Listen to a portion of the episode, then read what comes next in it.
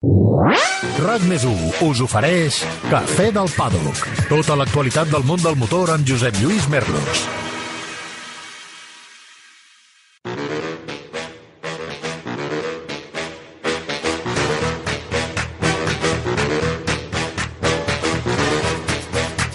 Què tal, com esteu? Benvinguts una setmana més al Cafè del Paddock. Benvinguts al podcast dedicat al món del motor de RAC més 1. Sensació agradolça avui en aquesta edició número 19 del Cafè del Paddock. D'una banda, content, evidentment, de retrobar-vos una setmana més en aquesta sintonia que fa olor de gasolina però per un altre trist, i ara us explicaré per què. Podria començar el programa d'avui parlant de la sensacional actuació de Jorge Prado a la cursa del Campionat Mundial que es va disputar a la localitat de Loket, a la República Txeca. També us podria parlar de la victòria de Kevin Hansen a la cursa del Campionat Mundial de Rallycross que es va fer al circuit de Barcelona-Catalunya, de l'exhibició de Jonathan Ray a la prova del Mundial de Superbikes que hi va haver al circuit d'Assen o de la gran actuació dels catalans i les catalanes a la cursa del Campionat Mundial d'Enduro, la quarta, que es va fer a Suècia, on Josep Garcia va fer segon el primer dia i primer el segon, i on el Jaume Batriu va fer segon a les dues jornades de competició en la seva divisió, i on la Laia Sanz va guanyar en aquesta cursa amb dues jornades, tot i que Suècia era un terreny poc apropiat per la Laia, perquè hi havia poca trialera i era un recorregut molt ràpid. Però no ho faré, perquè avui toca parlar d'un nano de 14 anys, nascut a Huelva el 13 de novembre del 2006. Hugo Millán, 14 anys, només 14 anys, i va morir aquest diumenge en un accident que hi va haver a la primera cursa de l'European Talent Cup al Motorland d'Aragó, on es disputava una reunió del trofeu FIM Repsol CEF. Hi va haver una caiguda múltiple al cinquè revolt, Millan estava fent una gran temporada i havia protagonitzat diversos podis, un pilot molt jove, sortit de l'escola de la cuna de campeones que promouen des del circuit Ricardo Tormo de València. Però la fatalitat, una vegada més la fatalitat, va fer que morís pràcticament a l'acte, atropellat en aquesta caiguda múltiple, amb una graella molt nodrida de pilots molt joves com ell, carregats d'il·lusions, d'esperances per un futur enorme per davant. Un futur que es va acabar aquest diumenge per Hugo Millán. I es va acabar de la manera que amb ell més li agradava fer les coses, anant en moto, fruint de l'esport del motociclisme. Un esport que estimem extraordinàriament, però que de vegades ens porta disgustos com aquest. Però la vida continua, i més quan parlem del motoresport. I el programa també. Avui amb aquests altres protagonistes, a més del gran protagonista destacat, Hugo Millán, al qual dediquem a aquest cafè del Paddock d'avui. Avui, el Cafè del Paddock amb...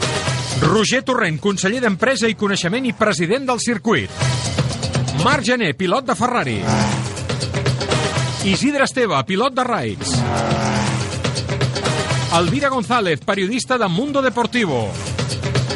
Toni López Jordà, periodista de La Vanguardia, i Jordi Vinyals a la gestió tècnica.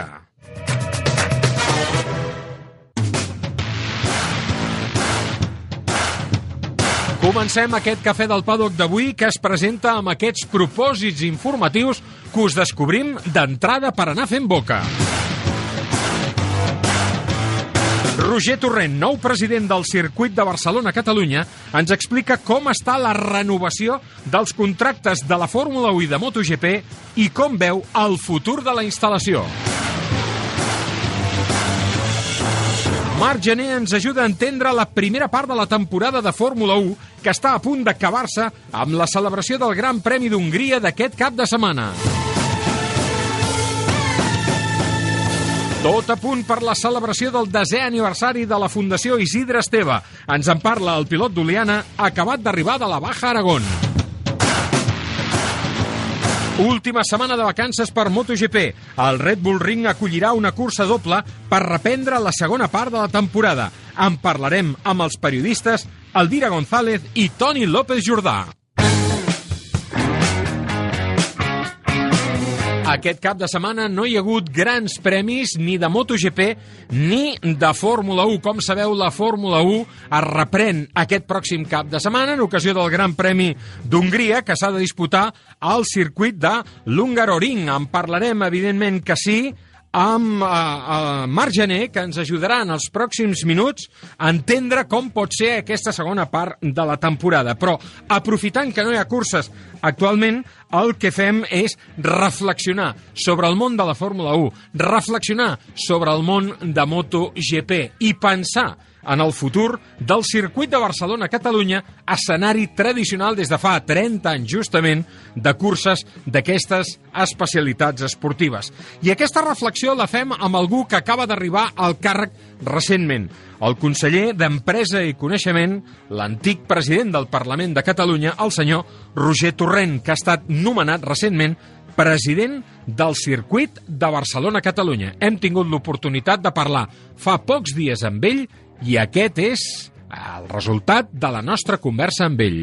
Conseller, bon dia, gràcies per atendre'ns, gràcies pel, pel seu temps. Abans que res, què suposa per vostè a nivell personal i també a nivell polític el nomenament com a president del circuit? Aquest és l'objecte d'aquesta entrevista, precisament. Bé, un repte, eh? perquè just coincideix aquesta presidència en tant que que conseller d'Empresa i Treball. De fet, jo el que faig és substituir el conseller Tremosa, que era l'anterior president del Consell, coincideix, deien el temps, amb els 30 anys del, de la infraestructura del circuit. Per tant, en uns moments en què, eh, evidentment, necessitem replantejar-nos el futur després d'aquesta etapa de, de tres dècades i de veure cap on ha d'encaminar-se el circuit. També en un moment de molts canvis de fons. Eh? Uh, en l'àmbit de l'automoció, en l'àmbit de la indústria de l'automòbil, amb qüestions molt relacionades amb la transició energètica, la sostenibilitat, etc. Per tant, tot un còctel de coses que fan que en aquests moments sigui un repte presidir el circuit i que, evidentment, eh, tenim l'obligació d'estar a l'alçada de, de les circumstàncies. Uh, conseller, vostè té estudis, um, estudis territorials i urbanístics, de fet ha exercit de tècnic urbanista. Entenc que vostè té, òbviament, preocupacions en quant al món de la mobilitat, per tant, per aquesta formació, però el que, el que no sabem és si a vostè li agrada el món de l'esport del motor i si segueix l'actualitat de les competicions d'aquest uh, món que, que alguns ens estimem molt. Les segueixo i haig de confessar que més el de les dues rodes que el de quatre rodes, eh? però, però, però tots, però tots.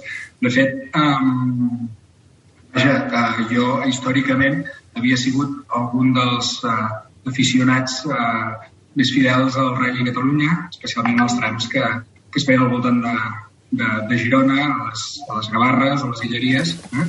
Uh, ara que no ens sent gaire ningú, puc confessar que algunes de les campanes a l'institut han estat provocades per poder anar a veure algun tram del ratll. Per tant, i no em considero un gran aficionat, però sí un bon aficionat del, del motor, com bona part del, dels catalans i les catalanes. No? La tradició eh, motor, especialment el motor de competició en aquest país, és molt gran i hi ha una història molt, molt arrelada aquí darrere. No? Doncs miri, m'alegra molt això que em diu. Uh, i, I anava al circuit abans del seu nomenament, allò, o per la seva feina no tenia oportunitat? Últimament no massa, però en èpoques anteriors sí. Havia anat a, a veure els, els grans premis de MotoGP, sobretot. Jo us dic que la meva afició per, pel motor va sobretot lligada a les, les, les dues rodes i per tant hi havia participat com a espectador a la festa del, del Gran Premi en èpoques on Valentino Rossi, diguéssim, per exemple, doncs, eh, aquí anàvem seguint, doncs, tenia, bueno, tenia una mica més de, de chances que, que, que actualment, no? Eh, per tant, estic parlant de fa uns quants anys. Molt bé. Escolti, um, els que són petrolheads, eh, els que som entusiastes de, de la benzina, clar, moltes vegades diem ha de ser un polític el president del circuit? No fora millor algú allò amb un, amb un potent expertís professional en el món de la competició? Ha de ser un polític el president del circuit? Jo, jo crec que pot ser un polític, però, però des de la nostra perspectiva no necessàriament. És a dir, nosaltres de fet estem buscant un perfil que pugui eh, portar la presidència del, del circuit. En el meu cas, el meu paper és eh, transitori perquè justament el que busquem és algú que pugui portar uns, uns valors determinats a la presidència del, del circuit. no necessàriament estrictament lligat al món de, del motor en tant que la indústria o en tant que la competició. Eh?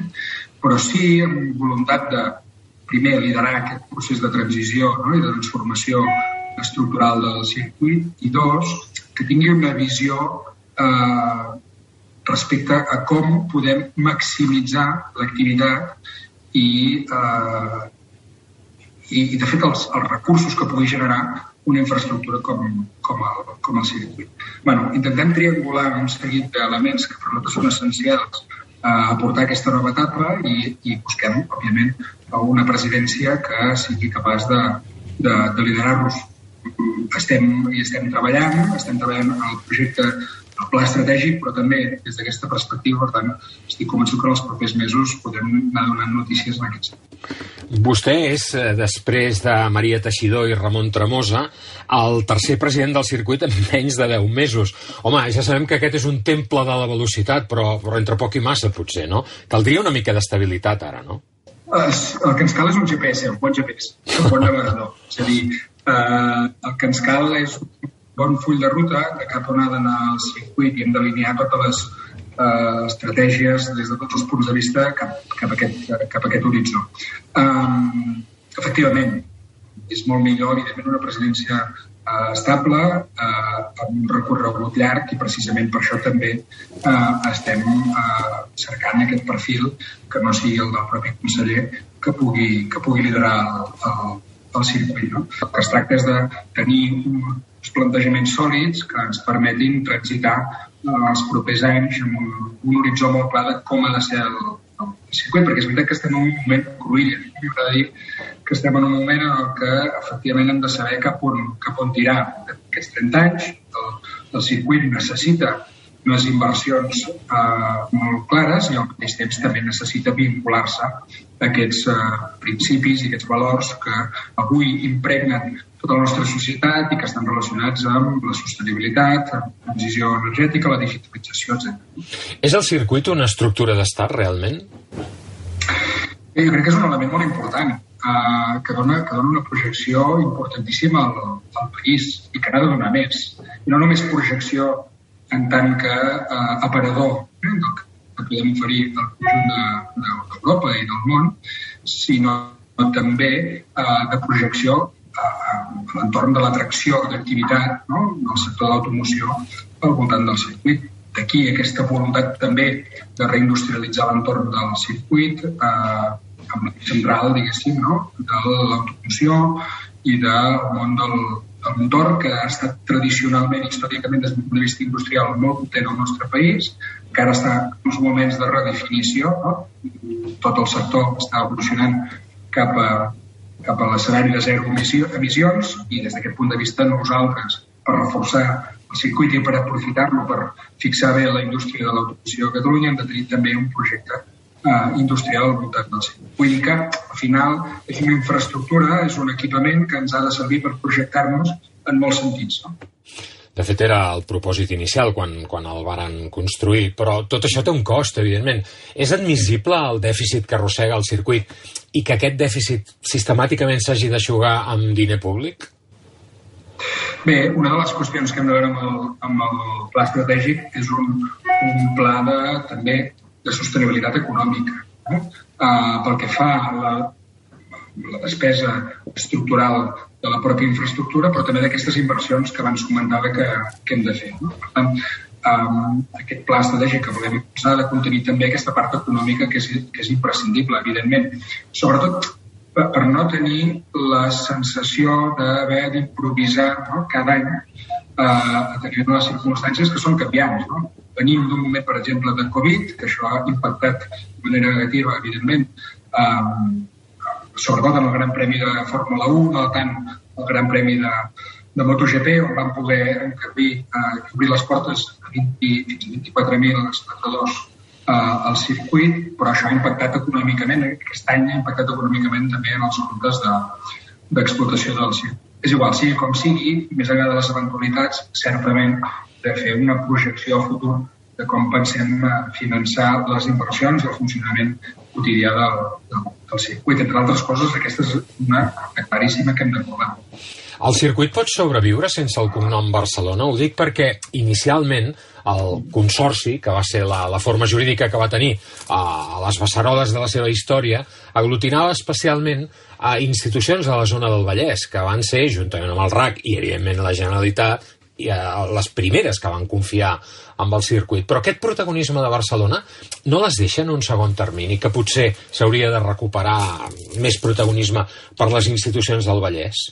Jo crec que tot ha de ser compatible. Eh? Les institucions del, del Vallès eh, hi han d'implicar, no només les institucions, crec que hem d'aconseguir que el teixit empresarial del, del, del Vallès, però també d'altres comarques del país, especialment aquelles on el sector la, promoció és, és més present, també puguin participar en el projecte de futur del, del circuit. Però això ha de ser compatible, deia, amb la potència de la marca Barcelona. No ens enganyem, nosaltres parlem en Fórmula 1, quan parlem en MotoGP, òbviament, a Catalunya està el seu marc mental, però també i especialment la marca Barcelona, que és molt potent des del punt de vista de, eh, de difusió a nivell internacional.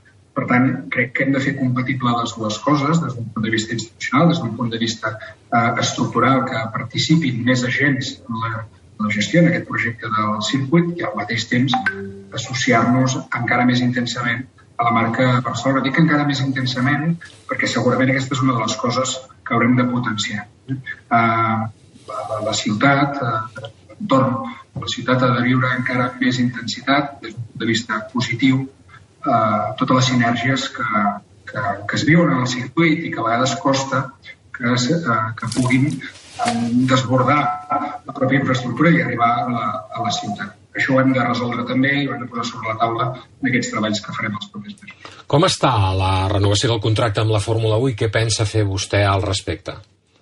Bé, doncs mira, l'últim, el, el penúltim perdó, govern eh, vam acordar eh, facultar el circuit per negociar la renovació dels drets de la, de la Fórmula 1. Um, també MotoGP. Nosaltres som conscients que tant un gran premi com l'altre és un factor tractor importantíssim.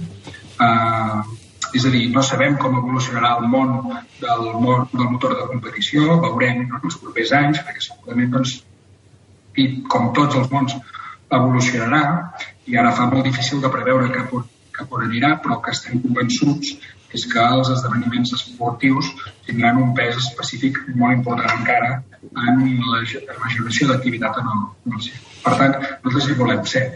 Em sembla que és important que el circuit de Barcelona pugui renovar els drets en Fórmula 1 i MotoGP. I si pot ser, no amb, amb un calendari molt apretat, vull dir que no amb, amb renovacions a, a curt temps, sinó amb una certa estabilitat. Això és el que hem plantejat a Fórmula 1, estem negociant, estem parlant i eh, eh, també en els propers, els propers mesos, les properes setmanes, en aquest cas, doncs, estic convençut que podrem donar algunes notícies. Fa pocs dies, la patronal PIMEC va proposar aprofitar el circuit per posar en marxa un centre d'I+D sobre, sobre el vehicle elèctric. Què en pensa d'això? Això entronca una mica amb el que deia abans, no?, dels, dels altres usos més enllà dels esportius del, del circuit, no? Sens dubte, jo crec que és un bon plantejament que va en la línia del que nosaltres ja estem treballant. La pota industrial és imprescindible. Si mirem models no, d'altres circuits arreu, arreu d'Europa, com ser eh, Silverstone, per exemple, no? doncs que té un ecosistema industrial al seu voltant molt potent i nosaltres tenim la, les eines per, perquè això també sigui així eh, amb un valor, no? perquè precisament, deia abans, hi ha tradició esportiva al voltant del motor, però sobretot hi ha una indústria de l'automoció que durant el segle XX ha estat importantíssima per l'economia catalana i fent la transició que correspon també ho ha de ser en el segle XXI. I en aquesta transició, en aquest nou plantejament, aquest nou paradigma que, que està vivint el sector, el circuit pot ser una peça molt interessant, eh? perquè es pot establir al seu voltant aquest hub eh, eh, que vinculi el motor de competició, la, la, la indústria, però també la digitalització i eh, aquesta vinculació no, de, de les rodes, de les quatre i dues rodes a criteris de sostenibilitat que per nosaltres és essencial. És a dir, al final hem de fer un mapa de com volem posicionar el circuit en ple segle XXI, per tant, associar-nos a valors que avui ens demana la societat no només catalana, sinó mundial, i que eh, han d'impregnar tot allò que fem al circuit i, i, i arreu. Eh? En tot cas, és una eina molt interessant a la línia de la industrialització que també planteja PIMEC i que, eh, evidentment, compartim. S'imagina un circuit només per competicions de vehicles elèctrics? Ho dic perquè jo he tingut l'oportunitat de veure un projecte eh, que transformaria tota la pista en una pista d'inducció elèctrica, seria el circuit pioner en el món. Això té alguna probabilitat avui dia o de moment és fer volar coloms encara? Bé, jo crec que hem de treballar cap a l'electrificació, sens dubte. Eh? Uh, però al mateix temps hem de treballar conjuntament amb, amb, el, amb el sector esportiu cap a, a als esdeveniments amb motor amb tendents a les zero emissions. Eh? I això vol, voler dir l'electrificació, però també altres tipus de, de, de motor. Um, en fi, veurem, perquè estem en un moment de revolució eh, des d'aquest Clar. I nosaltres hi volem ser-hi, eh? volem ser un actor important des d'aquest punt de vista. Torno a repetir, no perquè en depengui la viabilitat del, del circuit, que també, sinó perquè, d'alguna manera, eh, aquest és el terreny d'operacions d'un sector que és capital per l'economia europea, per l'economia eh, catalana. Això és el que volem treballar, és, el, és a dir, com eh, caminem cap a aquest tipus d'escenari de l'electrificació, de, les, de la reducció de les emissions, torno a dir una altra cosa que, que, que és molt important i que no hi ha masses circuits referents en aquest sentit, la digitalització també és, és molt important perquè parlem de, eh, de, com, de com passem dels motors de combustió als motors eh, de zero emissions, però podríem parlar també de la conducció autònoma i d'elements que segur que seran imprescindibles eh, a nivell del circuit en el, en el futur com a banc de proves, evidentment, i aquesta també és una vessant que hem de reforçar. Per això el circuit ja està balisat amb el sistema 5G, precisament, per anar, per anar treballant amb això. Escolti, acabo ja. Um, uh, tenim una llarga tradició amb el món del motor, industrial, esportiu, de mobilitat, evidentment. Som un país de motor, amb, amb èxits notables. Um, el circuit seria el lloc ideal per acollir aquest museu de la història de la mobilitat, del motor de, que Catalunya necessita? Sens dubte, sens dubte, i hauria de recollir tota aquesta, tota aquesta tradició, que bona part està lligada al circuit, eh? el circuit actual, però també el circuit de Montjuïc, no? I, i el circuit de Catalunya és l'hereu del circuit de, de Montjuïc, per tant, tota aquesta trajectòria l'hem de posar en valor i el millor lloc per posar-la en valor, sens dubte, és el propi circuit i Pedralbes i Terramar, vull dir, una història que sortosament... No, i, i tenim una tradició... Per això, per això, que ve de lluny. De marques molt potents, des de Seat fins a, fins a Ossa, Montesa, passant per, uh, per Derby, que precisament ha estat campiona del món uh, en motociclisme, uh, i pilots de l'alçada de Cribiller, precisament, de, de, de Gibernau, i en aquests moments, doncs, uh, Márquez, etc. No? Per tant, tenim home, tenim una, una història eh, que s'ha de posar en valor i que jo crec que és molt interessant i que faria també de factor atractor en la pròpia Clar. infraestructura, perquè a vegades és un, un món que des d'un punt de vista laboral es traspassa de pares a fills, però justament perquè es traspassi familiarment, a vegades espais d'aquestes característiques ajuden a mantenir la, la tradició i la competitivitat. No? Escolta, ja que has esmentat Márquez, eh, quan tornarem a veure el Márquez que tots hem conegut? Què creu? Espero que aviat. Eh? Uh, no sé com, com evoluciona. He vist algunes fotos de l'última setmana que, que, que estava entrenant-se fent cross, uh, motocross, uh, crec que diguéssim que és el seu origen, no? Per tant, tot una mica a l'origen. No sé, tant de bo ben, ben aviat, ben aviat el puguem veure en unes condicions en les que estàvem acostumats, perquè estan molt ben acostumats el tro de Cervera i puguem gaudir de nou en, en plenes condicions ben aviat. Vostè és més de Hamilton o de Verstappen? Ostres, ara fa de mal dir, no? Després de Silverstone, eh, diguéssim, eh, per qui ens mullem. Um, jo haig de confessar una certa predilecció per Hamilton. No només en termes estrictament de, de pilotatge, sinó també pel que representa com a, com a persona. No? M'haig de confessar seguidor de, de Hamilton en, en aquests moments, tot i que jo, eh, com que sóc una mica tirant a boomer, diguéssim, els meus referents són, són d'altres, eh, des de, des de Senna fins a, fins a Nigel Mansell, jo recordo quan era petit que era un, un dels, un dels meus uh, pilots de referència. I ja per acabar, escolti, una xafarderia. Li he dit mai al xofer del seu cotxe oficial que corre una mica més o no? no, no, no, no. no, no. Jo sóc molt prudent a la, a la carretera, tant com condueixo jo, com, com vaig de, vaig de paquet. Eh? Uh, però no, al contrari, al contrari. Conseller, gràcies pel seu temps. Gràcies. Que vagi bé. Vagi molt bé. Adéu, adéu. RAC Més 1. Estrena les vacances amb cotxe nou a Ocasión Plus. Més de 4.000 cotxes disponibles amb descomptes de fins a 6.000 euros i només fins a finals de mes. No et quedis sense, les millors oportunitats volen. Ocasión Plus. Dues botigues a Terrassa, una altra a Mataró i també a ocasiónplus.com. Obrim els dissabtes matí i tarda. Eh, sí, tu, cansat de males notícies i les històries de sempre? Et dedico una bona notícia.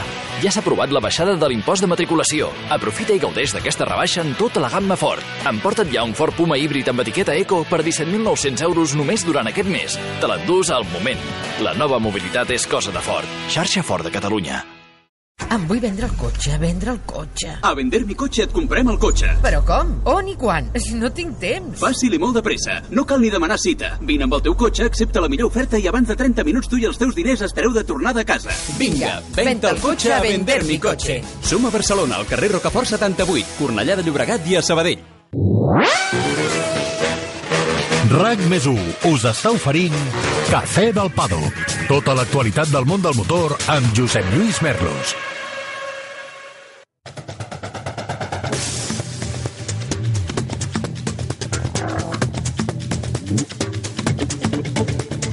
Com us dèiem en començar el programa d'avui, sense grans premis ni de MotoGP ni de Fórmula 1, però amb la perspectiva del Gran Premi d'Hongria, que s'ha de disputar aquest cap de setmana, la cursa que marca el final de la primera part de la temporada, arriba ara el moment per fer balanç pràcticament del que ha estat aquesta primera meitat de l'any. Un campionat que, com sabeu, lidera Max Verstappen amb 12 punts de diferència, amb 8 punts de diferència sobre Lewis Hamilton a la segona posició, un campionat que és cosa de dos. I per fer aquesta anàlisi, avui al Cafè del Paddock contem amb un comentarista d'excepció, algú que admirem moltíssim, tant en el terreny personal com en el terreny professional, des de fa molts anys som amics. Avui tenim el plaer i l'honor de comptar amb la presència del pilot de Ferrari, Marc Gené.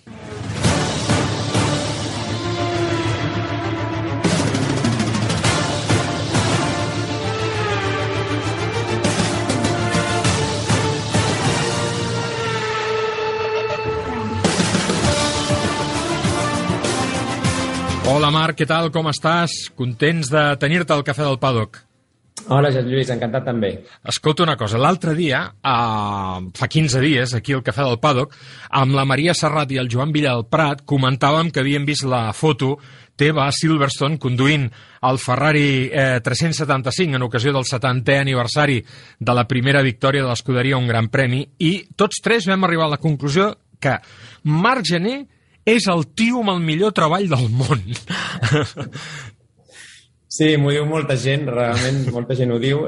És cert, perquè doncs, eh, el, després, just després de conduir aquesta joia, que és possiblement el, és un Ferrari que no té preu, jo crec, és, segurament és el cotxe amb més valor, podríem dir, del món, possiblement, o si més no dels Ferraris, i, i després vaig estar als Estats Units, aquesta setmana he estat als Estats Units provant a, a un circuit mític que no coneixia, que es diu Watkins Glen. Sí, no havies rodat mai a Watkins Glen? Ah. No, a Watkins Glen no havia rodat mai i, i n'havia sentit a parlar molt d'aquest sí? circuit, de quan hi havia la Fórmula 1 allà fa moltíssims anys. I tant, i les 12 hores de Watkins Glen, que eren una cursa de la IMSA molt importants, a més a més. Sí, i allà vaig estar provant doncs, a altres Fórmula 1, més actuals, potser, i aquesta part de, de, de la meva feina, que és més com a ambaixador, potser, no? de, però que m'implica provar Fórmula 1 de diferents èpoques fins al punt de provar el primer Fórmula 1 de Ferrari de la història, que va ser que et vaig provar a Silverstone, doncs sí, fa que molta gent diguin doncs, que tinc una feina que és, uh, és... i sóc conscient que és un luxe de tenir, sí. Una, una curiositat, Marc, quants avions agafes al cap de l'any?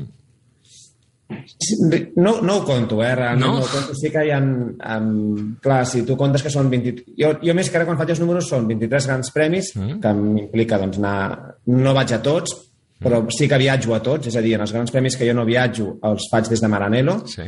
um, perquè tenim a, a Ferrari tenim el que es diu el Remote Garage, que és, que és des d'on realment és com la, les, la, la imatge que els veiem de la NASA quan estan tots els enginyers controlant que surt el shuttle, doncs a Ferrari tenim una sala molt semblant d'operacions, que en diem, i des d'allà tens accés absolutament a tot. Als team radios dels teus pilots, a xats particulars, a totes les onboard, tota la telemetria a temps real. I aleshores els grans premis que no viatjo, per temes de Covid, doncs els faig des de Maranello. Després això és allò que en diuen un mirroring, no? Això que feu des de Maranello, això? Sí, sí, i a més és, um, o sigui, és molt a temps real perquè realment avui en dia la Fórmula 1 estan limitats a quants, a quants, um, quants enginyers poden anar a les carreres. Els, la FIA limita a 100 i pico, més o menys, no? o team personnel. No? Mm. Aleshores, hi ha molts enginyers que volem que estiguin treballant al cap de setmana del Gran Premi, però com que físicament no hi poden anar-hi per tema de reglament, sí. vam crear aquesta sala que ells puguin realment també aportar um, i, i, i, i, i llegir la telemetria del cotxe. I ara això és un, aquest, aquest remote garage, tots els equips el tenen, uns més desenvolupat que d'altres, però realment funciona molt i molt bé. I a part d'aquests 23 grans premis, faig uns 9 events al món a l'any d'aquests ah. F1 Clienti, que són aquests clients, els clients més VIPs que hi ha al món, que sí. són propietaris de Fórmula 1, el, el Fórmula 1 de l'Alonso, del Schumacher, per exemple, aquí a Watkins Glen hi havia el propietari del Ferrari, el mateix xassís del Schumacher que va guanyar el Mundial del 2004, que també wow. és un cotxe de molt valor. I a part després doncs, hi ha altres events que tinc amb, amb els sponsors amb Ferrari, amb el qual són molts events, però bueno, quan no viatjo estic a casa i, i també, és, també és una cosa que haig de valorar. I tant, i tant, perquè ets un pare excel·lent, em consta que, que exerceixes molt bé la, la, la teva tasca com a pare. Escolta una cosa, Marc, um, amb això que em dius, com a mínim uns 80-90 avions mínim l'any, al voltant del centenar, perquè no sempre se soluciona amb dos avions. I a més a més a Maranello també has d'anar amb avió, vull dir que, que, que també compten, no? com a mínim el d'anada i tornada. Ja m'imagino que Eh, deus de tenir la, la targeta de platí o de tungstè de totes les companyies aèries del món. Això està clar. Un, un propietari d'un cotxe d'aquests, ens parlaves d'aquest propietari del xassís de, de Michael Schumacher, el guarda ell o com funciona això? El guarda Ferrari. Uh -huh. I el guarda Ferrari simplement el, podries, el podria guardar. Eh? Nosaltres realment busquem a clients no, bus, no ens agrada, o no, no volem clients que tinguin el cotxe al saló de casa seva. Ja. Que poden fer-ho, el cotxe és propietat del client. Clar. El que passa que nosaltres volem clients que aquest cotxe el facin, funcioni, piloti, um, perquè creiem que és, per això es va construir aquest cotxe. No? Aleshores, realment, clar, aquest cotxe, si tu vols anar, com ara a Watkins Glen o ara el proper event és a, a, a Alemanya la setmana que ve, aquest client hauria d'ell d'encarregar-se el transport de casa seva fins al circuit, hauria de fer un manteniment, aleshores el 100% o, o gairebé el 100% dels clients propietaris aquests cotxes es guarden a Maranello, uh -huh. que és una, és una imatge molt impactant perquè a vegades a les meves redes socials ho publico perquè veure 50, 60 Fórmula 1 wow. tots junts, que això només ho té Ferrari, no? I allà hi ha una, hi ha una sala on, sí. doncs on, tot, on estan tots els Fórmula 1 allà exposats i després cada event, segons quins clients van, ens emportem els Fórmula 1 dels clients prèviament revisionats. Uh -huh. Amb la qual realment estan tots a, tots a Maranello i és una, per mi és una de les sales amb, Sí, com a imatge més impactants que es puguin veure. Com tinc jo al menjador de casa, amb els cotxes d'esca elèctric, però de debò, per entendre'ns, eh? De debò.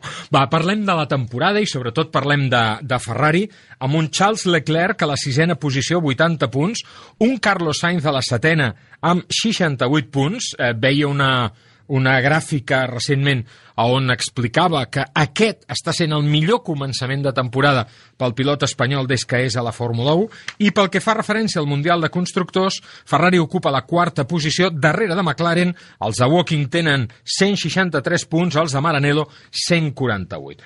Primer balanç eh, de la temporada pel que fa referència a Ferrari. Quina valoració fas d'aquestes 10 curses que ja hem deixat enrere? És, és positiu si, si ens fixem on estàvem l'any 2020. L'any 2020 va ser... Jo porto Ferrari molts anys, porto Ferrari a vegades vols de comptar-ho perquè no sé quants anys són, però aproximadament uns 17 anys. Uf, que bèstia. I són molts anys. molt, I, són molts anys. I és el pitjor any. L'any passat va ser el pitjor any nostre, l'any 2020. Mm. Um, va ser un any que el cotxe no tenia velocitat, i, i, i sobretot va ser molt dur perquè hi havia carreres que el Leclerc feia grans classificacions, classificava doncs, quart, per exemple, i després a la carrera, ostres, anàvem molt endarrere, no?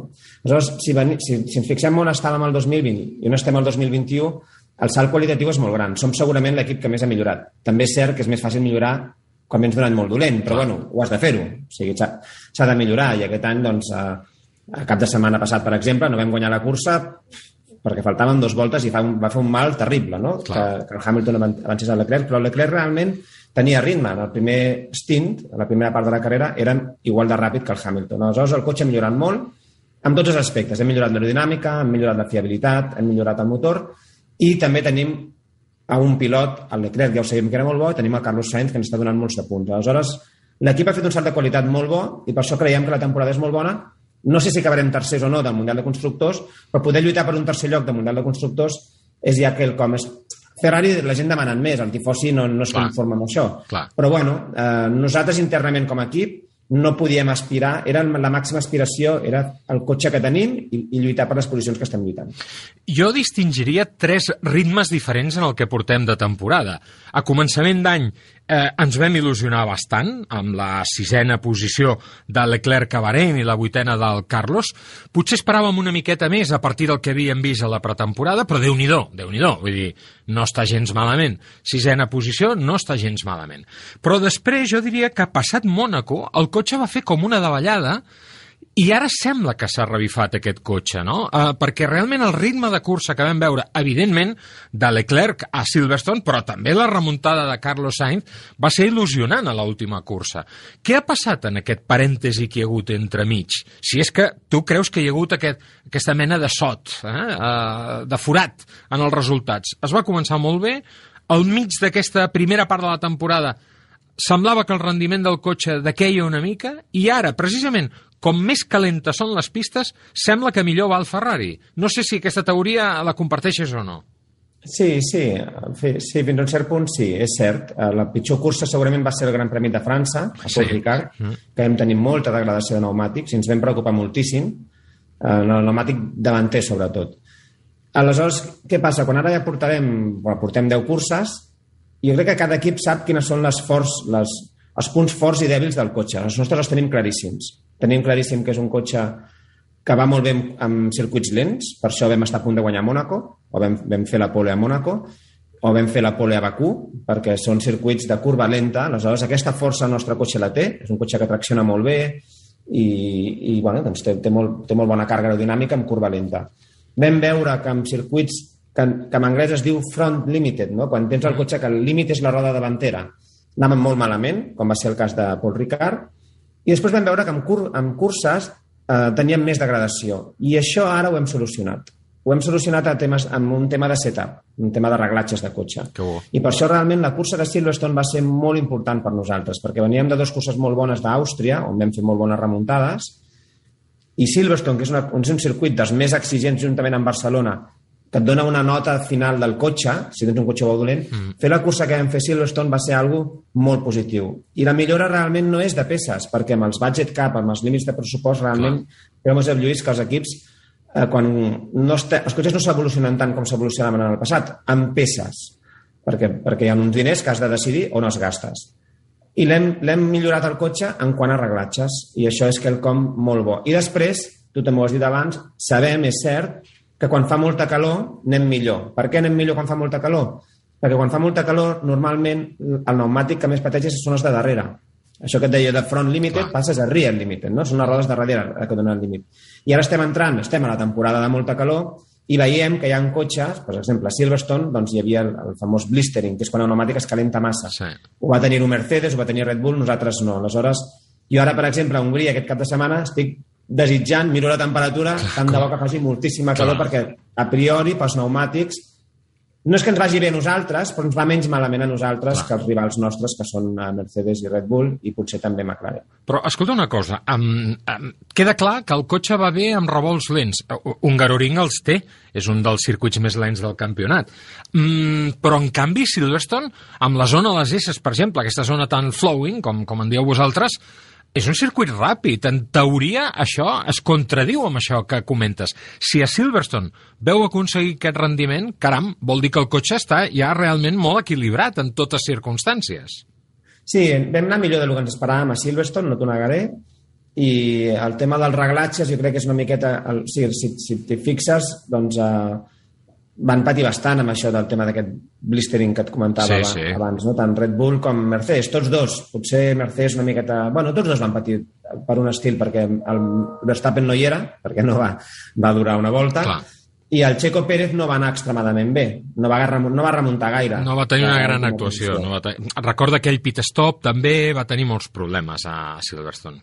Sí, però el Mercedes, doncs el Bottas no va fer una gran carrera. Aleshores, sí, és cert, ens, ens, això ens ha animat moltíssim. A priori, Hongria hauria de ser una cursa molt, molt bona, però intentem no, no, no crear masses expectatives, però sí, si soc, soc, soc honest, hauria de ser una de les millors curses de les que queden per Ferrari. Leclerc, amb tard o d'hora serà campió del món. Eh, tant de bo que ho sigui en Ferrari, seria una història molt bonica. Però si no ho és amb un cotxe vermell, eh, amb, el que sigui, però aquest nano serà campió del món. Estàs d'acord o no? Sí, sí, té un talent especial, um, és molt bon classificador, molt, molt bon classificador, i és molt ràpid. La cursa que va fer Silverstone val, no la va guanyar, però, però va anar molt, molt, molt, molt ràpid. Sí, sí que ho acabarà sent, esperem que sigui un cotxe de vermell perquè és la seva aposta, però, però és un dels predestinats. Jo ara mateix hi ha uns, hi ha uns pilots doncs, com el Hamilton, doncs, que ja estan al final, potser diria, de la seva carrera esportiva, hi han nous talents en els quals, sens dubte, Leclerc, Verstappen, també incloc sempre Gasly, eh, Russell i també Carlos Sainz, perquè els punts que ha aconseguit respecte a Leclerc en la seva primera temporada, està fent una temporada també molt brillant, també jove, però Leclerc és un pilot que jo quan va guanyar les curses l'any passat, la, la, la de Monza, per exemple, contra Sí. Hamilton de fa dos anys, mm. això són curses que no, només t'ho fa un pilot que sigui potencialment uh, un gran campió.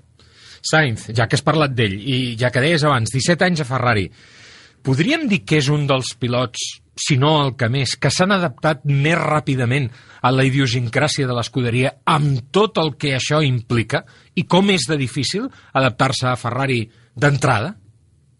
Sobretot és difícil d'adaptar-se a Ferrari amb la nova reglamentació que et prohibeix entrenar. Clar.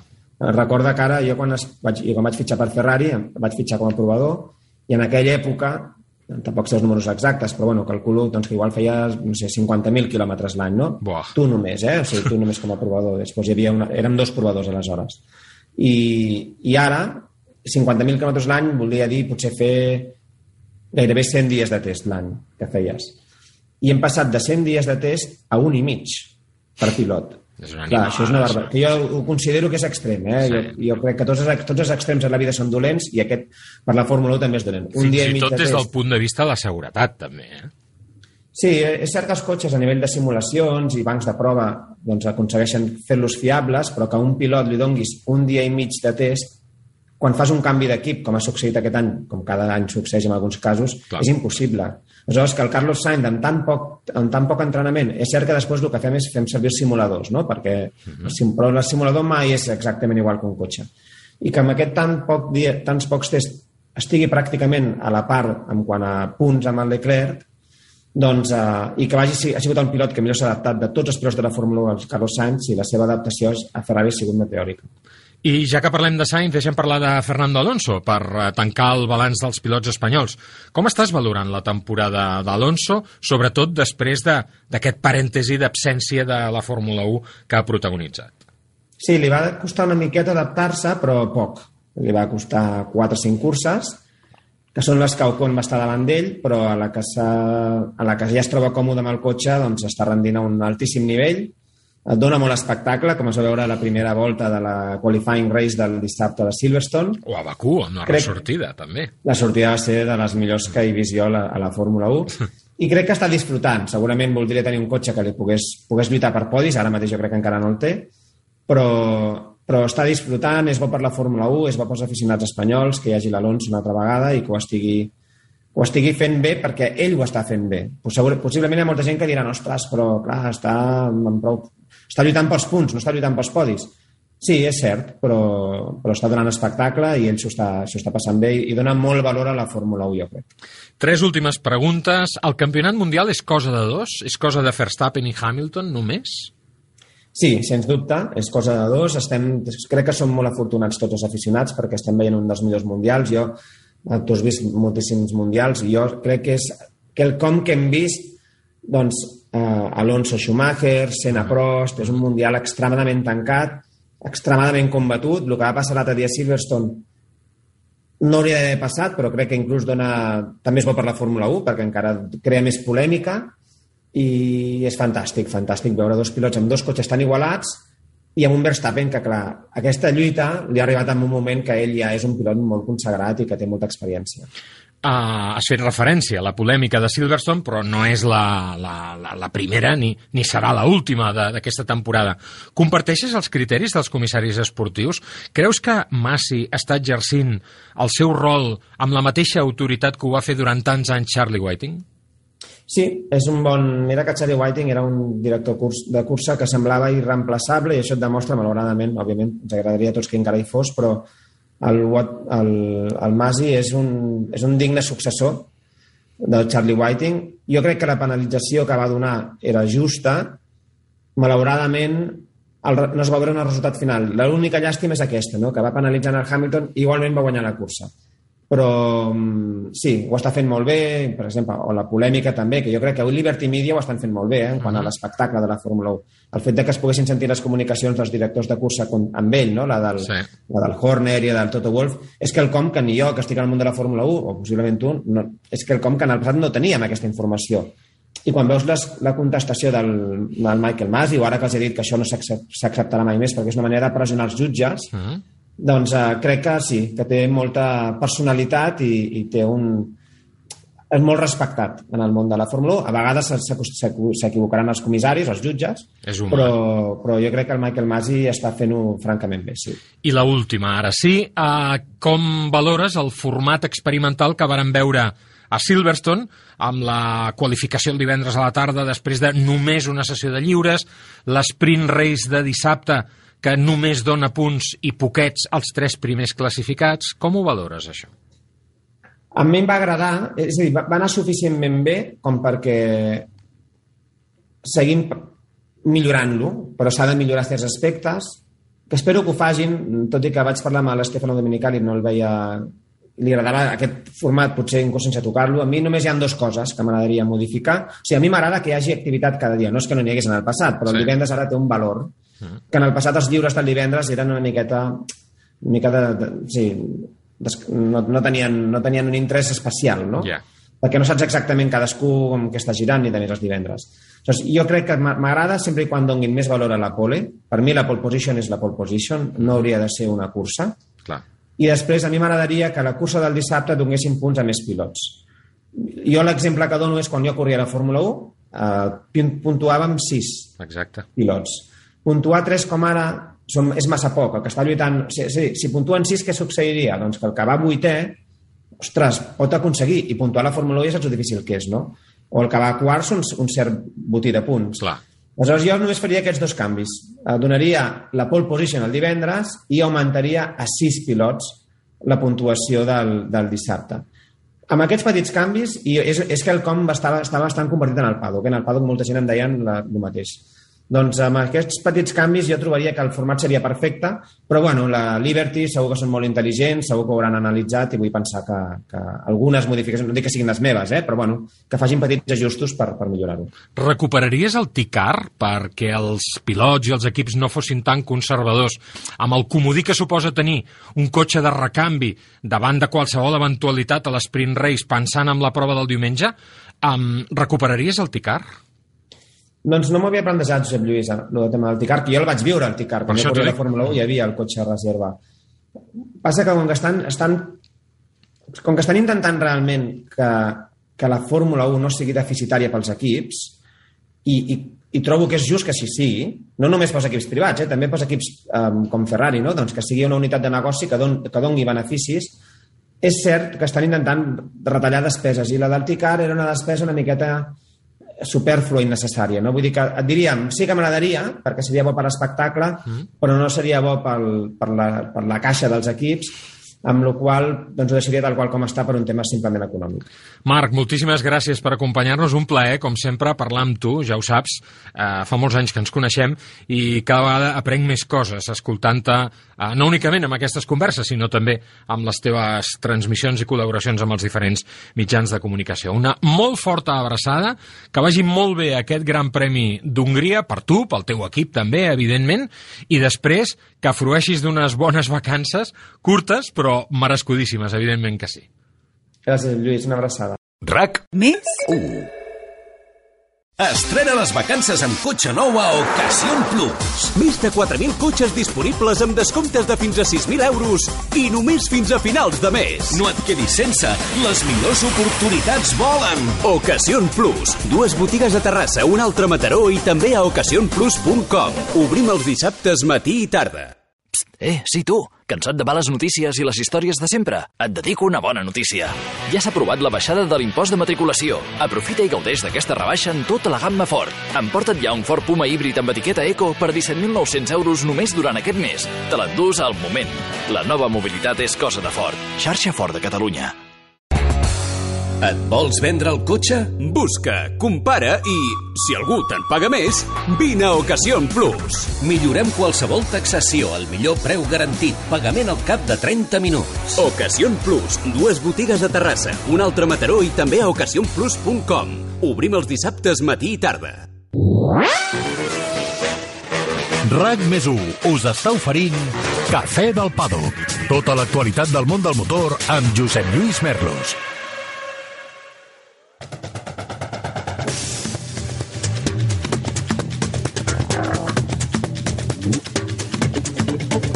Deixem momentàniament el món de l'asfalt perquè aquest cap de setmana s'ha disputat una nova edició, la 37a ja, de la popular Baja Aragón, prova puntuable, com sabeu, per la Copa FIA de Raids. Problemes mecànics amb el cotxe de Sebastián Loeb a l'últim moment, i això que havia estat el dominador inicial de la cursa, van facilitar la victòria de Nasser Al-Attiyah per davant de i Al-Raji que van completar el podi. D'aquesta manera, el Attiyah obtenia la seva quarta victòria en aquesta prova, a la Baja Aragón. El primer pilot classificat va ser Nani Roma, pel que fa referència als catalans, que va ocupar la cinquena posició. En motos, cinquena victòria de Joan Barreda, que no va admetre cap mena d'oposició. I atenció a Isidre Esteve, perquè Isidre Esteve, amb un cotxe que inicialment no semblava massa adequat a les característiques del recorregut de la Baja, és un tot terreny més aviat apte per zones de conducció amb molta sorra, una mica més complicats que no pas la baja, on eh, predomina, predominava en aquesta edició també la velocitat per sobre de tot, va poder finalitzar a la tretzena posició. Però atenció, perquè justament ara es compleixen 30 anys del debut d'Isidre Esteve en aquesta cursa, la Baja Aragón, al manillar d'una TM, d'una moto italiana de 125 centímetres cúbics. Tenim precisament l'oportunitat de parlar amb Isidre Esteve.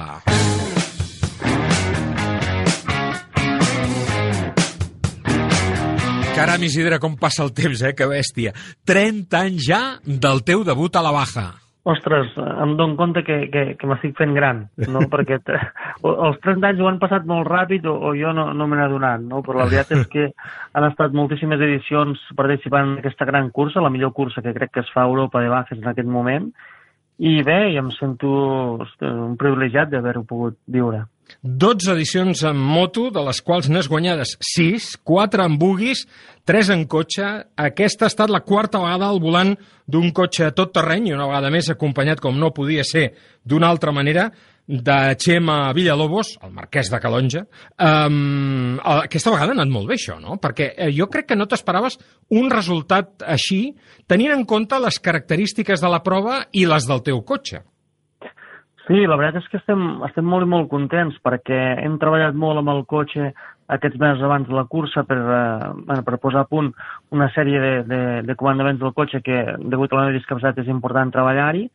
Uh, han funcionat molt bé i ens va sorprendre el, els parcials de temps a les especials. Uh, estàvem molt a prop de la gent de, del capdavant no? I, i bé, ha estat un, una injecció moral increïble, no? perquè això ens anima a continuar treballant en aquesta línia, perquè estem convençuts de que tenim un gran equip, eh, el cotxe, naturalment, és un cotxe molt i molt bo, i, i he disfrutat molt, he disfrutat molt el cap de setmana conduint per les pistes de Teruel. I tot això, a més a més, es completa amb una setmana rodona perquè dimecres eh, celebrareu el desè aniversari de la Fundació Isidre Esteve i serà aquest any sí, després de no poder-se fer l'any passat, al circuit de Barcelona-Catalunya. Sí, és veritat, estem d'aniversaris, com molt bé dius, aquest any són 10 anys de, de la Fundació, 10 anys que vam començar aquesta activitat que té com a objectiu ajudar les persones amb discapacitat a través de l'esport, discapacitat física, i bé, eh, és veritat, l'any passat vam tingué que suspendre l'edició degut al Covid, naturalment, i, i bé, aquest any vam dir que faríem tots els esforços perquè la poguéssim celebrar, sobretot per poder-ho compartir amb tota la gent que ens ajuda, que ens ajuda a la Fundació, eh, els que ajudem també, i penso que és una ocasió única, primer perquè l'esport inclusiu tingui un, un espai al circuit de Catalunya a Barcelona a través d'una cursa de reus en bicicleta, on una de les persones ja té una discapacitat i les altres dues no, crec que això és molt important, i després un sopar, un sopar eh, allà a la recta del circuit, dir, allà a la graella on es situen els cotxes i les motos a la sortida, farem un sopar de la Fundació on podrem compartir moments, on podrem compartir experiències i sobretot celebrar aquest desè aniversari. Qui pot eh, assistir a aquest sopar, Isidre, i com fer-ho? Bé, hi pot assistir tothom, hi pot assistir tothom perquè la veritat és que és una festa eh, que volem que tothom hi participi, tant en la part esportiva com en la part del sopar. Poden eh, accedir a la pàgina web de la Fundació, que és www.fundaciodidresteve.org. Allà trobaran l'esdeveniment, l'esdeveniment es diu Gran Premi FIA, i poden entrar-hi i apuntar-se. I llavors, si, si hi ha algun problema o qualsevol cosa, ens poden enviar un correu a info arroba i els atendrem i intentarem, intentarem pues, encara que sigui a última hora, encabir-hi tothom. Doncs ja ho sabeu, www.fundacioisidresteve.org on us podeu inscriure encara a hores d'ara per poder assistir a aquest acte on, eh, Isidro, hi haurà molts amics teus. Sí, hi haurà molta gent eh, de tota mena, des de la gent de la premsa, des d'esportistes, eh, des d'institucions, naturalment, i sí, a mi em fa molta il·lusió que els esportistes hi siguin, eh, l'Àlex Criveller, el Nani Roma, el, el Gerard Ferrés, el Carles Checa, eh, no em voldria descuidar ningú, hi ha molts, molts pilots que, que estaran aquest, aquest dia amb nosaltres i que participaran en tant l'esdeveniment esportiu com en el sopar. Sopar que, per cert, anirà a càrrec d'un cuiner barra motorista, com és també un bon amic, el Nando Jovany.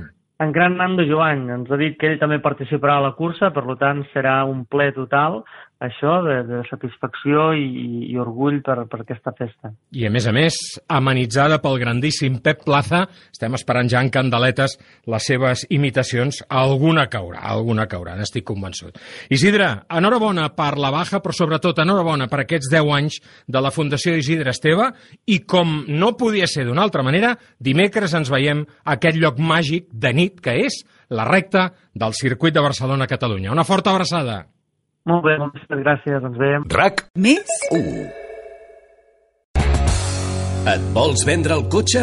Busca, compara i, si algú te'n paga més, vine a Ocasión Plus. Millorem qualsevol taxació al millor preu garantit, pagament al cap de 30 minuts. Ocasión Plus, dues botigues a Terrassa, un altre Mataró i també a ocasionplus.com. Obrim els dissabtes matí i tarda. Eh, sí tu, cansat de males notícies i les històries de sempre? Et dedico una bona notícia. Ja s'ha aprovat la baixada de l'impost de matriculació. Aprofita i gaudeix d'aquesta rebaixa en tota la gamma Ford. Emporta't ja un Ford Puma híbrid amb etiqueta Eco per 17.900 euros només durant aquest mes. Te l'endús al moment. La nova mobilitat és cosa de Ford. Xarxa Ford de Catalunya. Em vull vendre el cotxe, vendre el cotxe. A Vender mi cotxe et comprem el cotxe. Però com? On i quan? Si no tinc temps. Fàcil i molt de pressa. No cal ni demanar cita. Vine amb el teu cotxe, accepta la millor oferta i abans de 30 minuts tu i els teus diners espereu de tornar de casa. Vinga, venta el cotxe a vender mi cotxe. Som a Barcelona, al carrer Rocafort 78, Cornellà de Llobregat i a Sabadell. Cafè del Pàdoc, amb Josep Lluís Merlos.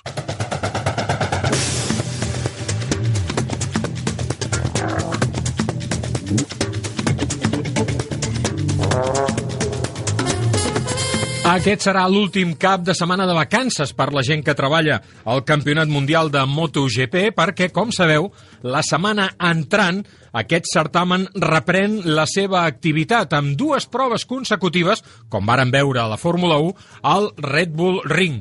En primer lloc, amb el Gran Premi d'Estíria i després amb el Gran Premi d'Àustria en aquest escenari que a la Fórmula 1 normalment ens ha portat curses relativament interessants, però que en motos hi ha hagut una miqueta de tot per les característiques d'aquest escenari. Parlem de com pot ser aquesta represa de l'activitat, eh, de com pot ser aquesta segona part de la temporada i d'altres temes amb els nostres següents convidats al Cafè del Paddock d'avui. Ja els coneixeu perquè hem tingut la sort de fruir de la seva companyia i dels seus coneixements en ocasions anteriors. Saludem en primer lloc a la nostra estimada companya Elvira González de Mundo Deportivo. Hola, Elvira, què tal? Acabes de tornar Hola. de vacances. Sí, senyor, i sempre és un bon moment venir a prendre un bon cafè. Gràcies, Elvira. Toni López Jordà, La Vanguardia. Tu has fet un tastet, no de cafè, sinó de vacances, i ara estàs en plena voràgine dels Jocs Olímpics, més tota la informació del món del motor, evidentment. Hola, bon dia, ben trobats. Sí, sí, estem, estem aquí aguantant els Jocs Olímpics. A veure quan s'acaben. I passem a la gasolina. A veure, a veure, encara queden dies, eh? Encara et queden dues setmanes llarguetes de, de Jocs Olímpics. Escolteu, és obligat parlar eh, del tema amb el qual hem començat el programa d'avui, la mort d'aquest jove pilot de Huelva, Hugo Millán, de només 14 anys, en aquesta prova eh, puntuable per la European Talent Cup dins del paraigües del CEF, del Repsol, FIM Repsol CEF, aquesta és la denominació oficial d'aquest campionat, que es va disputar aquest cap de setmana al Motorland d'Aragó.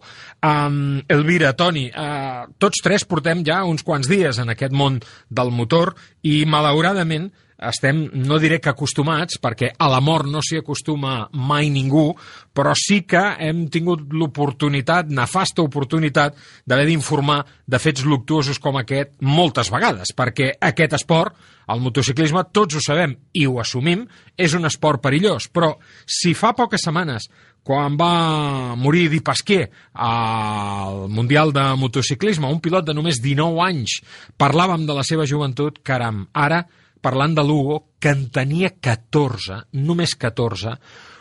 Buf, jo que sóc pare i que els meus fills han competit en proves de motor, eh, penso en la pobra família, primer amb el nano, evidentment, però després amb la pobra família que han patit aquesta desgràcia i, uf, Déu meu, no, no, no voldria estar a la pell d'aquesta gent en cap cas. Què us sembla? Mira, cada cop que, que hi ha un fet luctuós com aquest, eh, sorgeix el mateix debat. No sé si és oportunista o no, però sorgeix el mateix debat. Si més no, en el nostre entorn immediat, com és el, el diari, la redacció, i tots són dubtes, qüestionaments, i la paraula que més sovint és prohibició. S'hauria de prohibir bueno, no ho plantegen en pregunta, eh? ho diuen en, en, en afirmatiu, s'hauria de prohibir la participació de nens menors de no sé quina edat, o s'hauria de limitar la velocitat, o s'hauria de a veure, mm, és, és un fet molt trist i jo crec que el que sí que s'hauria de mirar és de millorar les seves condicions de seguretat, no prohibir. Uh, clar, aquí sempre hi ha el factor uh, el, el factor de la imprevisibilitat, uh, el, el factor mala sort, el, el, però hi ha, hi ha alguns determinants uh, aspectes que sí que es poden cuidar, que s'haurien d'anar mirant i és el fet, trobo, des del meu punt de vista, que és el, el, el, que les graelles són massa nombroses. Jo crec que hi ha massa pilots. Si ens fixem, eh, ho vaig estar mirant quan va haver-hi la mort de, de Lugo, eh, en els últims quatre anys hi ha hagut tres defuncions de pilots d'Espanya, de, de, de categories de formació, i els tres tenien 14 anys. Mare de Déu. I en els tres casos van ser atropellaments. És a dir, no van morir per la velocitat, per l'excés de velocitat o de potència, o, o per la falta de seguretat d'unes tanques, sinó perquè van ser eh, embestits o atropellats per altres pilots. Això indica, des del meu punt de vista, que hi ha massa pilots en un mateix eh, tram de revolt, en un mateix tram de circuit. De quants pilots estàs parlant? Quan, quan dius que n'hi ha masses, de quants parles concretament? Doncs mira, a la graella del diumenge, on va morir Lugo Millán al Canyit, al, al Motorland, n'hi havia 38. I en una cursa del Mundial, per exemple, de Moto3, quants n'hi han habitualment? A, a veure, a Moto3 eh, nosaltres que estem comptant 30, una trentena, 20 i pico. A MotoGP tenim 22. Però, clar, uh, parlem de gent molt més experimentada, evidentment. Això, exacte. Això, això també sí, s'ha sí, de sí, tenir sí. en compte. Elvira, tu què penses? Què n'has de dir d'això que ha apuntat el Toni? Mira, estava veient a la, a la cursa de Assen, a la, a la cursa de Moto3 n'hi havia 27. Imagina't, de 27 a I, eh, 38. Per això, i a més a més estem parlant del que dèieu, no? de que és gent molt més experta eh, en teoria. Jo també voldria introduir un altre tema, que és el tema de les proteccions, perquè això sí que a mi- m'esgarrifa. És a dir, no fa tan poc tants anys que es va obligar a que tots el, les granotes dels pilots port, eh, muntessin a l'airbag integrat i, i clar, mm, veure que en els campionats inferiors, eh, de categories inferiors, això no està implementat, això sí que m'esgarrifa. Eh, això jo crec que ja s'hauria de, de, de prendre la, la mesura obligatòria de que els, els xavalets eh, anessin ja amb la protecció completa, igual que hi van els professionals eh, del Mundial de MotoGP. Dos apunts, dues reflexions tècniques. Per una banda, el Toni ha posat en qüestió la quantitat de pilots que hi ha a les graelles d'aquestes proves de formació i, per una altra, l'Alvira ha posat de manifest també la necessitat de fer obligatori l'ús de l'airbag dintre de les granotes de protecció, com sí passa en les tres categories del campionat mundial. No són percepcions el que han apuntat aquí els nostres companys, són realitats absolutes i inqüestionables.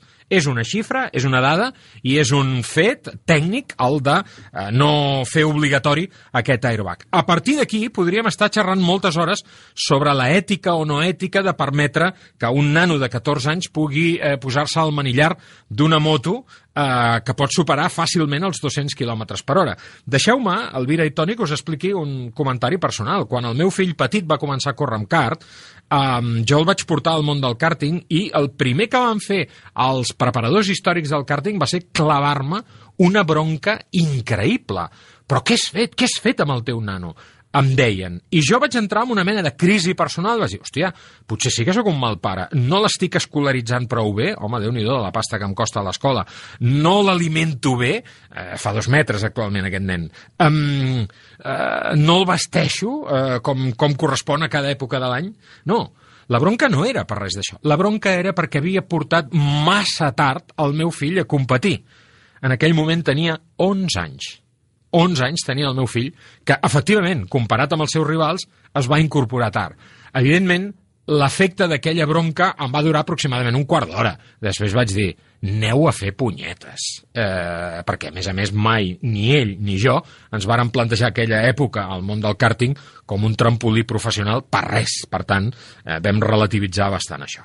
Bé, eh, deixem a banda, doncs, aquest tema, eh, evidentment entristits per la mort primer d'un nano de 14 anys, després per un esportista i, en tercer lloc, per algú que fruïa d'això que ens agrada tant a tots els que ens trobem ara mateix aquí al Cafè del Paddock, i ell amb més intensitat, perquè n'era practicant, com és l'esport del motociclisme. I de motos, volem parlar de MotoGP perquè, com dèiem, la setmana entrant es reprèn la competició després d'unes quantes setmanes d'aturada al calendari, sobretot també una aturada més llarga de l'habitual per les modificacions que hi ha hagut en aquest calendari i que segurament no seran les últimes. Arriba el Gran Premi d'Estíria i ho fa amb aquesta notícia que hem conegut fa pocs dies, justament mentre estàvem fent el Cafè del Paddock de la setmana passada, i és que Dani Pedrosa podrà fruir d'un wildcard eh, per participar amb la KTM, amb la qual treballa com a provador, en aquest escenari on KTM i el seu patrocinador tenen tants interessos. Com ho veieu, Elvira? Doncs a mi m'ha sorprès, perquè jo l'últim cop que vaig parlar amb el Dani estava com molt segur de que ell no volia tornar a competir, l'estrès de la competició que l'agobiava molt, que no, que ara ell era superfeliç, donant voltes, desenvolupant la KTM, i llavors a mi mm, m'ha sorprès, però bueno, coneixent també el Dani, doncs eh, jo crec que ell vol comprovar si la, la feina que ell fa sorda i, i, i a, a, dintre del circuit i especialment a, a Spielberg, on ell probablement és el circuit on està donant Clar. voltes en aquests últims dos anys i, i mig. Doncs com, eh, comprovar en competició com, eh, com, estan funcio com funciona aquesta KTM que ell està desenvolupant. Evidentment, ell s'ha d'adequar a la, a les, eh, al reglament tècnic eh, de congelació de motors, bla, bla, bla, que, que tenen els, els seus companys de, de marca. Però serà una bona manera de, de, de comprovar la seva feina que ell està fent eh, en tancat, veure-la com és a competició. Jo, i, però, sincerament, jo crec que no es planteja cap, cap resultat. Poder només a una volta, a veure, a veure què passa amb les qualis. Toni. Jo crec, bueno, si ens refiem de les paraules que va dir, que no tenim motiu per què qüestionar-ho, mm, va dir que volia traslladar la pista en condicions de cursa allò que estava provant a, a la pista en condicions d'entrenament. Per tant, també és molt lògic, és molt normal eh, traslladar no? el, deia això de, de sobretot, veure el, el que els seus companys li demanaven en, en, quan, quan ella estava fora, doncs, eh, tenir-lo en, en, en la pista en la, en la mateixa situació de cursa. No? A veure, jo crec que per ell serà, evidentment, una tasca, una, una, una feina més, no? però també crec que hi ha una gran part de divertiment ell. No sé, després de tres anys, 2018, no? va, va plegar a València, Uh, home, jo crec que també el cos li demana una mica de, de marxa, uh, no? De passar-s'ho bé, no?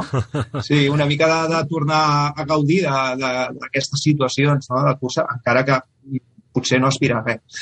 Jo crec que per poc bé que ho faci, que jo crec que ho farà bé, perquè sabem que és, és molt bo, no? Uh, pot ser una mica revulsiu per, per bona part de la grella. Ja.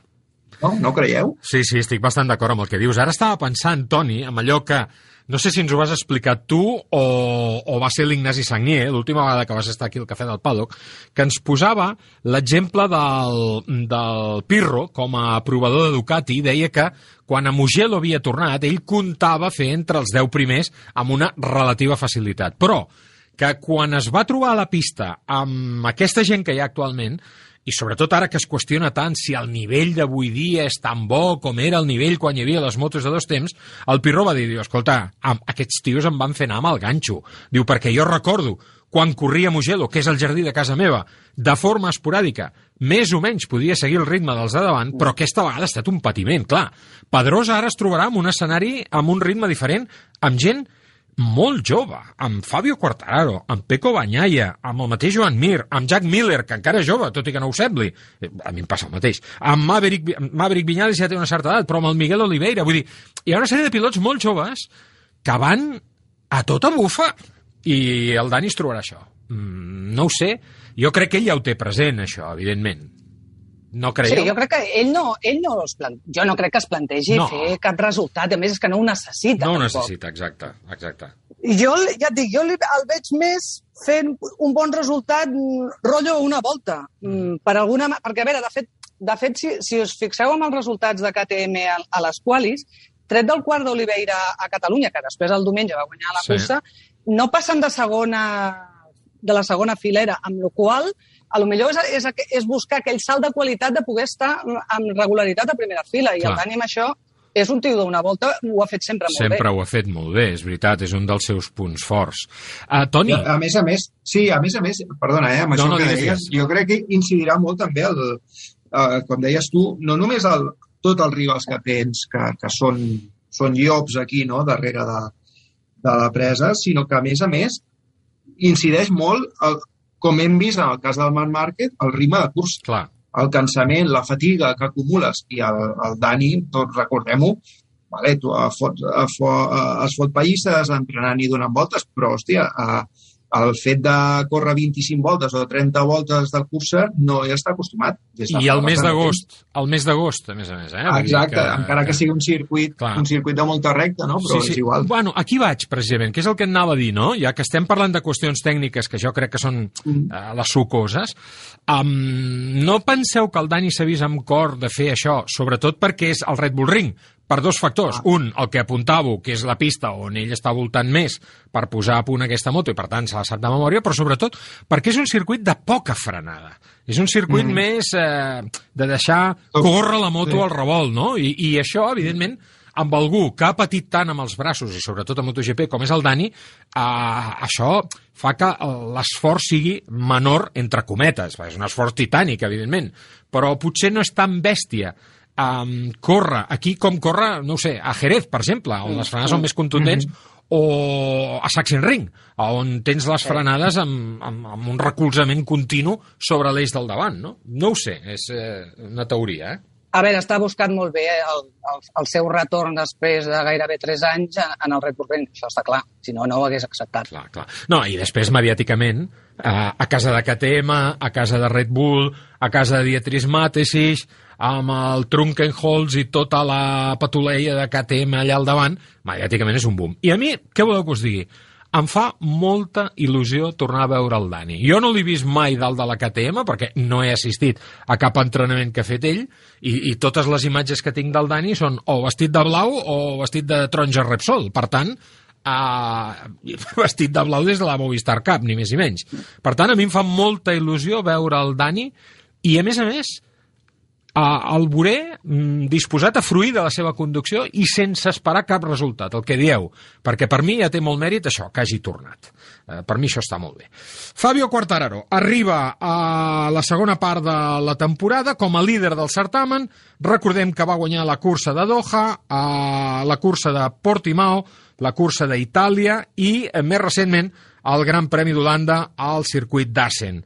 156 punts, 34 de diferència sobre aquest pica-pedrer que és Johan Zarco, i ho dic en, eh, no pas en sentit despectiu això de pica-pedrer, sinó aquest pancaire que és Johan Zarco, que va fent aquesta feina sorda, eh, sense, sense fer massa soroll, i 47 punts de diferència sobre Peko Banyaia a la tercera posició. Tenim una Yamaha per davant de dues Ducati. Com veieu, aquest començament de segona part de temporada entre aquests tres pilots? Doncs que s'hauran de posar molt les piles eh, els seus rivals perquè eh, el, el, el Fabio ho té tot molt ben controlat. Eh, jo crec que aquí també hem d'entrar a veure, a veure com acabarà el calendari i a veure quantes curses acabaran caient. Clar. Eh, perquè, clar, aquí serà uns punts que, pel seu, que millor els seus rivals eh, necessitaran. Eh, l'estic veient molt seriós, jo crec que ha pres del, dels de les errades de l'any passat, que l'any passat va tirar ell el campionat perquè el tenia també eh, agafat en mà de ferro, i de cop i volta doncs, va entrar en aquesta dinàmica que va acabar necessitant un psicòleg esportiu per mm -hmm. tornar a posar el, el, els mobles del cap en el seu, en el seu lloc. Uh, a veure, eh, per mi hi ha aquí una incògnita que és l'actual campió, que és el Joan Mir. A veure, està molt lluny, està a 55 punts. Uh -huh. L'any passat ell va recuperar 48 punts, però clar, era la tercera cursa quan els perdia. A veure com Suzuki, eh, aquestes esperades millores que, que han d'introduir ara a, a partir d'Àustria, a veure si aconsegueix per aquí restar punts i, i col·laborar amb, amb Ducati en anar a restar-li punts. Si no, jo, jo veig molt decantat el campionat. Toni? Sí, sí, opino molt semblant. Uh, de fet, quan estava repassant la, la diferència de punts amb, amb la resta, deia, ostres, és que aquí jo crec que el, el que veritablement li pot fer nosa és a 55 punts, que és el Joan Mir. Uh -huh. No sé, me'n refio més del, del Mir per la seva regularitat, perquè és una mica dièsel, també ho vam veure l'any passat, no? Sí. Va de menys a més i, i va agafant confiança, no? I també hi ha uns quants circuits que el poden somriure ara, no?, en aquesta segona part. Jo veig més el Joan Mir fent, fent neguitejar el, el Fabi Quartararo que no passa el Zarco o el Banyaia. Els veig massa irregulars, tot i que tenen pepinos a motos, no? Uh, I pel que fa al Fabio, és el que deia Dira i el que el que venim apuntant des de fa, bueno, des del primer terç de temporada, no? que aquest nano una mica ha canviat. Sempre, ostres, els periodistes ens agrada molt parlar de la maduresa, de no sé què, però mm. és que trobo que veritablement aquest xaval aquest any ha fet un gir. I a mi hi havia una, una anècdota que em feia, em feia gràcia d'aquest xaval, que, com sabeu, viu, viu sol a Andorra, no? Mm. És com s'ha hagut d'espavilar, no? Em deia, m'explicava que això, que durant el temps de la pandèmia, vamos, les havia passat bastant magres, no? El fet de gairebé no veure's amb ningú, fer-se el dinar sol, eh, diu, rento a casa meva, saps? Una mica fer, de m'estresso de casa, no? no amigo, I, ostres, jo la, crec que la vida és dura. Molt, la vida és dura. Això espavila molt. I, i a veure, i després, doncs, també ha fet aquest... Eh, gir mental. No? Abans jo crec que era bastant inestable en el sentit d'aquesta fortalesa anímica, eh, era un noi més d'alts i baixos, i aquest any, una mica el que m'expliquen també a l'equip és que el tio està super madur, està com, com, molt, com molt curtit, no? molt, molt, molt fort. Per acabar, capítol Fenòmens Paranormals. Maverick Viñales, sisena posició. Ara ve la segona part de la temporada. Quin Maverick veurem? Perquè, clar, anava a dir, eh, Maverick és com Jekyll i Hyde. Eh, ho hem vist aquesta temporada alguna vegada. No, no és veritat. Maverick no és com Jekyll i Hyde. Jekyll i Hyde tenien dues cares. Maverick és com el cub de Rubik, perquè en té... Eh, no sé quantes cares té el cub de Rubik, però és que... Aquest noi em despista, eh? Ens despista sí. tots. Ens sí, despista sí, tots. Sí, sí. Vol, vols dir que inclús ell sap quina eh, cara és la que, la que podrà toca, mostrar eh? en, aquest, en aquesta segona part? Yeah. Ostres, potser s'ha tret un pes de sobre decidint ja el seu futur i, i desvincular-se d'una un, relació que, que no conduïa a cap lloc i que porta dos o tres anys rajant i que ara deixo de rajar perquè em toquen la cara, ara torno a rajar, és a dir, uns alts i baixos. O sigui, aquesta relació no funcionava i poder ja era hora d'acabar-la i buscar-te la vida en una altra banda, perquè, a veure, jo segueixo mantenint que el Maverick és un tio per, per ser campió del món. Segur, ràpid I se li ho és. està, Mm -hmm. i, i, i, i se li està tirant el temps a sobre. Ja no és aquell nen de 21, 22 anys que va pujar al Mundial, és que se, ha, ha anat sumant anys i, i, i, i altres, Mir ja li ha passat per davant. Eh, és hora ja d'espavilar, d'agafar el rumb ja i perquè no és, que no, no és que se li estigui passant l'arròs, òbviament, perquè encara és molt jove, però sí que ja necessita posar ja... Fil a l'agulla. Eh, fil a l'agulla. Fil a l'agulla. Toni? Jo crec, eh, deies, ostres, despista molt, però jo crec que el Maverick no enganya. O sigui, el Maverick està fent el mateix ara, amb, què té, 26, 27, he perdut una mica sí, el compte, sí, eh? 27. Està fent el mateix que quan tenia 19 anys a, a, a, o, o 18 anys a, a 125, l'espantar que ja va fotre a Sepan, no sé si us recordeu, dius, ostres, a veure, això és una persona que, fixa't, i ho feia amb 18 anys i ho torna a fer ara al cap d'anys, no? A veure, el Maverick no ho descobrim, és un tros de pilot, és molt bo, però, hòstia, és allò que li ha de quadrar tot, no? Com deia el Ginés, no? Que en va descansi, que li canvies quatre cosetes i el, i el tio va com un tret, no? I, I el Maverick una mica, jo crec que és... Té, té moltes similituds amb el Jorge. A mi em recorda moltes coses el Jorge Lorenzo. És, Per lo bé i lo de dolent, moltes eh? fi- Per lo bé i lo Sí, dolent. sí, sí, de moltes, de moltes fílies i fòbies. Sí, sí. I, ostres, eh, recordo haver parlat eh, quan, quan estava amb el, amb el Ramon Forcada, que el Ramon ja sabeu que és molt prudent, això, eh? però una mica ho deia també. A vegades són uns tiquismiquis. I no té res i dius, ei, t'he canviat això, i el tio s'enxufa, no? Jo crec, com deia l'Elvira, que, que ara, sense la pressió aquesta d'haver de demostrar res a Yamaha, es pot alliberar i fer una mica un, un Lorenzo com va fer amb, amb Ducati. Amb Ducati. Diu, Mm, sí, ara que, Bona. que us deixo, Sí, ara sí. que us deixo guanyo, no? Bona No comparativa. m'estranyaria. Sí. L'últim tema. Heu vist, eh? Marc Márquez fent motocross. Dèiem que aquestes setmanes li anirien bé per, per, per acabar de recuperar-se de la lesió. Hosti, entre poc i massa, eh? L'hem vist fent motocross ja, eh? No sé si això és bo o em fa patir eh, moltíssim. Home, ja ho va avisar Oasen quan es va acomiadar per, per marxar de vacances. Diu eh, jo ara reprendré la meva vida. Ja he enviat el meu oficio, que l'he tingut a casa meva durant tots aquests eh, mesos, cap a casa, Mm. i ara ja vull reprendre la meva vida. Vull sortir amb el meu germà amb tot tipus de motos, Mhm. recuperar la meva vida. I, i a veure, per ell ha sigut eh, allò que necessitava, aquell xute Mhm. d'adrenalina que necessitava, Sí. i ara és recuperar la seva vida i ja pues, tornar a la, a la nòria, no? tornar al carrusel. Toni? Fins, i- fins, fins i tot a, a l'Instagram seu he vist que estava rodant en un circuit. No, no l'he sabut reconèixer perquè he vist un momentet, però estava, estava en circuit d'asfalt. No sé si seria el No, de... no, no ho he vist, no ho he vist. No, no... per aquí, però bueno, anava, anava enxufat i era, i era l'últim post que havia fet. Vull dir que les vacances se les està prenent bé per, per tornar amb força. Uh, jo crec que, a veure, no ho sé, l'última visita que vaig fer aquí al cafè vaig aventurar-me que uh, És veritat. estaria al podi És veritat, i ho va, vas dir, ho va vas dir. acabar guanyant. Sí, sí, sí. Jo, jo crec que... a veure, Apostem no sé, per Aragó? Apostem per Aragó? També Jo és un altre lloc. També és un Per altre lloc. Aragó, el, a veure, no sé com anirà eh, d'aquí a Aragó, però, ostres, és un lloc idoni, el seu feu particular, el seu jardinet, eh, jo el veig al podi, per què no? Déu-n'hi-do, déu nhi déu Bé, amics, moltíssimes gràcies per acompanyar-nos. Uh, Elvira, Toni, gràcies per acompanyar-nos avui en aquest Cafè del Paddock. Veurem, doncs, què dona de si aquest Gran Premi d'Estíria mm, la pròxima setmana i després uh, la següent cursa que s'ha de disputar al Red Bull Ring i de quina manera aquestes proves ens marquen una mica el traç, el tarannà de com pot ser aquesta segona part de la temporada. Abans, el Marc Gené ens deia estem fruint amb la Fórmula 1 d'aquest any i amb les motos també, evidentment. Ens ho estem passant molt i molt bé aquesta temporada com, com, com està passant en els últims anys. Gràcies per acompanyar-nos i fins una pròxima ocasió al Cafè del Pado, Calvira i Toni. Gràcies. Moltes gràcies.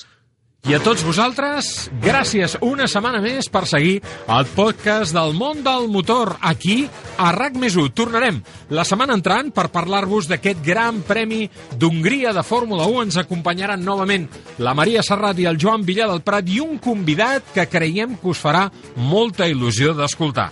No l'avancem, no ho revelem encara, us ho explicarem la setmana entrant aquí al Cafè del Paddock. Gràcies i feu bondat. RAC més us ha ofert Cafè del Paddock. Tota l'actualitat del món del motor amb Josep Lluís Merlos.